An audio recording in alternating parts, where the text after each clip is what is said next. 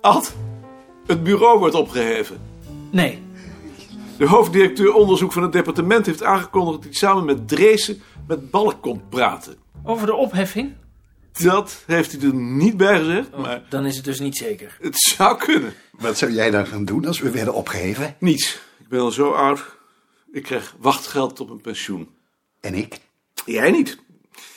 Ik dacht dat je voor elk jaar een jaar wachtgeld kreeg, dus eh, dat eh, haal je niet. Dan zal ik dus toch nog leraar moeten worden. De mof, eindelijk gerechtigheid. Leraar moet ik niet aan denken. Dan zou ik ook liever loketbeambte worden of, of suppost in een museum. Ik zou er maar geen grapjes over maken als ik jullie was. Ik maak je grapjes, ik ben verdomd serieus. Suppost lijkt me echt zo gek nog niet. Nee, suppose zou niks voor mij zijn. Dan nog liever belastingconsulent voor bejaarden of zoiets. Wat trek je daar nou in aan? Ik moet kleine, overzichtelijke werkjes hebben die ik snel kan afronden. Belastingconsulent? Lijkt me toch wel verdomd droog. Ik hoor. zie jullie nog alle twee gewoon doorgaan met dit werk zonder dat je ervoor betaald wordt. Geen sprake van. Geen haar op mijn hoofd die daar aan denkt. Nou, ik voorspel het je. Zou jij dat dan doen, Bart? Ik denk wel dat ik dat zou doen. Ik zou het overigens de staat niet kwalijk nemen. Als ik als ambtenaar het bureau bezocht had, zou ik geen ogenblik geaarzeld hebben. Eruit met die troep. Nee, kwalijk nemen zou ik het zo ook niet. Jullie praten werkelijk grote onzin. Vind je dan zoveel zin hebben wat wij hier doen, Bart? Ja, natuurlijk vind ik dat, anders zou ik hier niet zitten. Meest waarschijnlijk is overigens dat ze er maar een deel van ons ontslaan en de rest laten zitten om de bibliotheek en de archieven te beheren. En dat jij dan samen met Balk moet beslissen wie van ons wordt ontslagen. Zoals de Joodse Raad. Wie zou jij dan ontslaan, denk je? Ik Denk in de eerste plaats mezelf. Omdat je graag de martelaar speelt. Juist. Held en martelaar en daar dan als profiteur weer stiekem van genieten. In die rol herken ik mezelf. Maar de werkelijkheid zal wel zijn dat ik met extra verantwoordelijkheid belast word, doordat ons bureau er een taak bij krijgt. Eh, eh, eh, overigens, Balk is vrijdag gekozen in het bestuur van de stichting. Dat verwachtte ik al, Waarom verwacht je dat? omdat ik meneer Balk daar heel geschikt voor vind. Wie hebben er dan nog meer op hem gestemd? Dat weet ik niet. De stemming was geheim. De vergadering werd voorgezeten door Van Heft Veldwijk. Dat is een intelligente man. Eh, ik heb hier de bespreking van het boek van Jan Everhart. Waar wil je dat ik die leg? Geef me. Maar ik wil wel graag dat je eerlijk zegt wat je ervan vindt. Tuurlijk. Want ik wil niet straks achter mijn rug horen dat je het er niet mee eens was. Ik dacht niet dat je daar bij mij bang voor hoefde te zijn.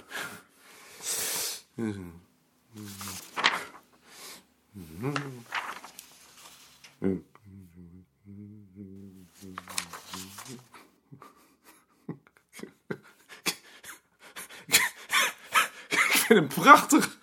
Ik heb geen enkele opmerking. Ik heb er alleen geschreven omdat ik dat in de tijd heb toegezegd. Ik ben niet van plan om zoiets nog eens te doen. Dat is jammer.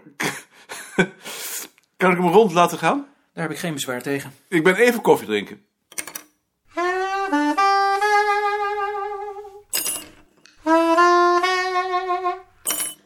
Maar als het nou echt serieus is, Als het serieus is, dan houden ze hier geen uren van je werk. Dan zoeken ze het zelf wel uit. Wie heeft die lijst hier neergelegd? Balk. Zijn vrouw zit in Amnesty. En toen ik een keer een lijst over abortus had neergelegd, moest ik die weghalen omdat ik het niet eerst gevraagd had. Voor of tegen abortus? Voor natuurlijk. Je bent toch wel dat Engelie feminist is? Heb jij eigenlijk kinderen? Nee. Ik stel ook alleen mensen zonder kinderen en zonder auto's aan. Dan zou ik dus een kans bij je maken. Maar ik weet nog altijd niet of ik kinderen wil, joh. Ik vind het zo moeilijk. Gewoon je hart volgen. Beerta vond het ook nooit goed als er lijsten rondgingen. Dat gaf maar eh, spanningen onder het pe- personeel. En vrouwen mochten geen broeken dragen. Ja, is dat echt zo? Dat herinner ik me niet. Ik weet, ik weet nog wel dat je niet te laat mocht komen. Daar was hij inderdaad fel op. Maar hij was dan zelf ook altijd op tijd. Ik had me een keer verslapen. Ik kom de kamer in. Ik zat bij hem op de kamer. Hij stond met D. Haan te praten. Onderbrak het gesprek. Draaide zich om. En keek me met opgetrokken wenkbrauwen aan.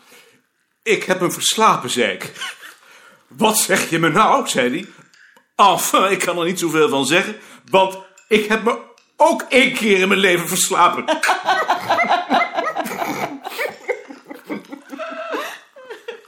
Was het zo'n tiran? Het was meer ironie. Maar daarin k- kon hij wel verdomd scherp zijn. Hij heeft me ook nog aangeraden om nooit vrouwen aan te stellen. En hij had De Haan aangesteld. Daarom. Waren er zulke ruzies? Geweldige ruzies. Hoe ging dat dan? Tegen handtastelijkheden aan. Nee. Vertel eens. Ik zal dat nog wel eens vertellen. Herinner jij je Veerman nog? Dat was een mooie man. Was hij niet nog een keer op de Olympische Spelen uitgekomen? Ja, ook. Maar hij nam ook altijd te lange middagpauzes.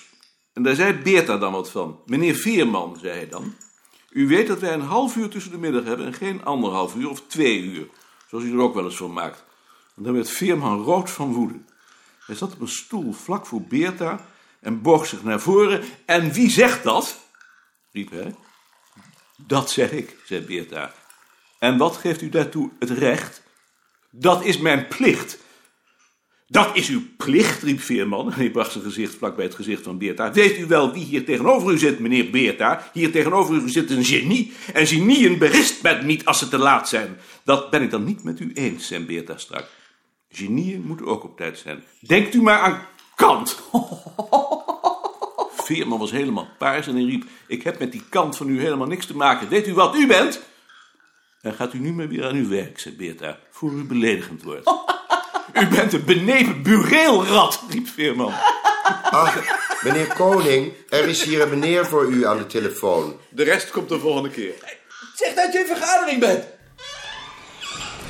Kruif nu naar de opgekomen Hovenkamp weer erbij. Loopt door.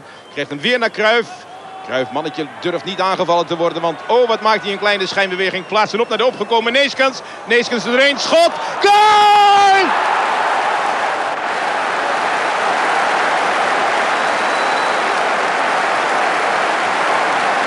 En Neeskens legde de bal precies klaar voor Peters. En Peters ging onbereikbaar voor keeper Clemens. 1-0 voor Nederland. Nederland balbezit nu via Krol door Kruif. Kruif schuift door en geeft de bal af. Wordt nog steeds gelopen van de Kerkhof. Opgevangen daar. Een schot. Goal! Een tweede goal. Een tweede goal van Jantje Peters. Nederland leidt met 2-0. Hebt u gisteren ook naar de wedstrijd gekeken? Het was een mooie wedstrijd. Hè? Ik vond Cruijff wel heel goed. Zoals ze die twee doelpunten van Jantje Peters voorbereiden. Dat was heel goed. Kijk jij naar voetbal? Engeland-Nederland. Waar heb je dat dan gedaan? Oh, dat is natuurlijk een ontzettend onbescheiden vraag, maar je hebt het zegeltje toch niet verbroken? Hoeft niet zo sterk voor te zijn hoor. Alleen maar ontzettend moedig. Het zegeltje verbroken? Ik dacht dat je geen tv had. Ehm, het is wat ingewikkeld. Eh, we hebben al lang een tv. Die hebben we van een oom geërfd, maar die hadden we verzegeld. Ah, en dat zegel dat heb je nu verbroken om naar Engeland-Nederland te kunnen kijken. Ook natuurlijk, maar eigenlijk omdat Nicolien dacht dat Bukowski nog eens op de tv zou komen. En dat wilden ze niet missen, maar geef toe, deugt natuurlijk niet. D- dat hoor je mij niet zeggen. Nee, maar zo voel ik het. Maarten, als jij straks naar boven gaat, wil je dan nog even bij mij langskomen? Waar kan dat voor zijn? Misschien over dat rapport? We zullen het direct weten. Oh ja, ik heb een brief gekregen van het Riemens Instituut. Ze willen een Roemeen uitnodigen voor een voordracht over Roemeense volkscultuur en vragen of wij meedoen. Vladescu. Ik heb nooit van die man gehoord. Het is een internationaal contact, we mogen dat niet voorbij laten gaan. Hoeveel mensen kun jij leveren? Vijftig? Vijftig? Vier misschien. Dat is nonsens. Je hebt zelf al elf mensen en we kunnen Hu Pastoors er ook nog wel naartoe krijgen. Acht dan? Vijftien? Nee, acht. Niet meer. Acht is niks. En het diner? Kan die man toch geen diner aanbieden? Dat moeten zij maar doen. Was dat het? Dat was het.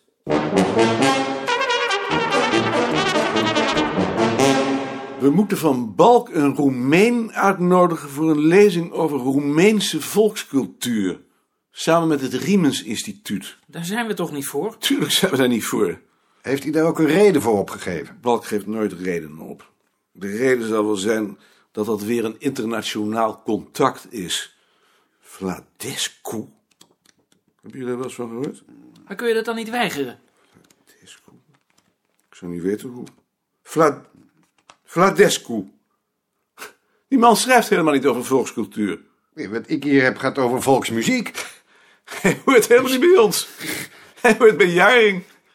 We nemen een jaring.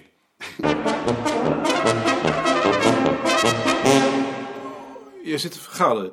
We waren net begonnen. Ken je Vladescu? Die heb ik wel eens ontmoet. Dat is een volksmuziekman die wil naar Nederland en het Riemens Instituut heeft Balk voorgesteld om hem samen uit te nodigen. Is dat niet meer iets voor het Ethnomusicologisch Instituut? Tuurlijk, daar moeten ze zijn. Ik zal het Balk doorgeven. Ja, die Vladescu is helemaal geen volkscultuurman. Dat is een volksmuziekman. Ze moeten niet bij ons zijn, ze moeten bij het Ethnomusicologisch Instituut zijn. Hoe? Het Ethnomusicologisch Instituut. Hier staat dat hij een kenner is van de Roemeense volkscultuur. Ja, volksmuziek. Ze kennen het verschil niet. Hoe heet dat instituut? Ethnomusicologisch Instituut. Ik zal het ze schrijven. De aanval is afgeslagen.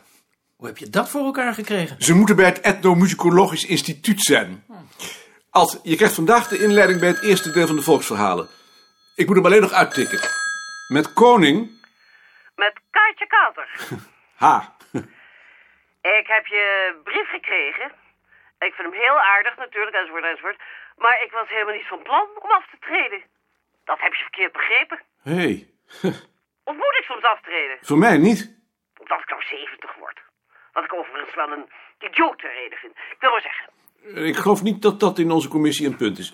Eh, Ik wil het nog wel eens met Balk overleggen. En je voorstel om mij door Appel te laten opvolgen. Ik vind het vervelend om te zeggen, maar dat lijkt me nou helemaal niks.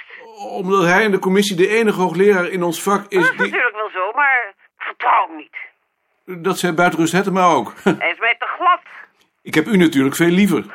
ja, nou, wat maar horen, enzovoort, enzovoort.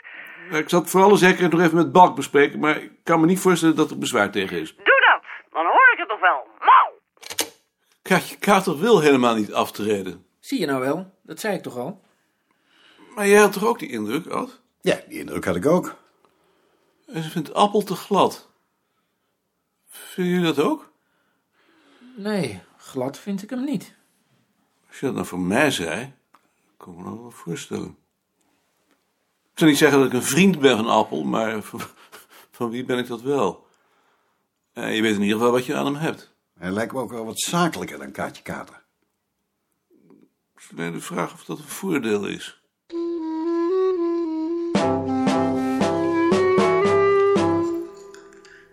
De heren van het departement zijn er al.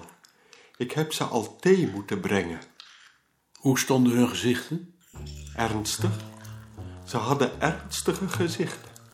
Dat is niet zo mooi. Nee, dat is zeker niet zo mooi. Zijn ze er al? Ja, ze zijn wel. Goud heeft ze tegengebracht. En? Wat zeiden ze? Ze zeiden dank u wel. Dus ze waren in elk geval vriendelijk. Ja, vriendelijk waren ze wel.